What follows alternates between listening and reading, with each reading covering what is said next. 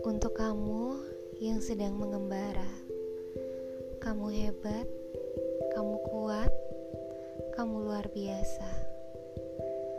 Bukan hal yang mudah untuk menjadi dirimu. Rehatlah sejenak jika merasa lelah.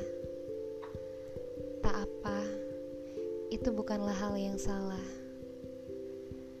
Tapi jangan putuskan untuk berhenti, karena kamu hanya perlu berjalan sedikit lebih jauh lagi.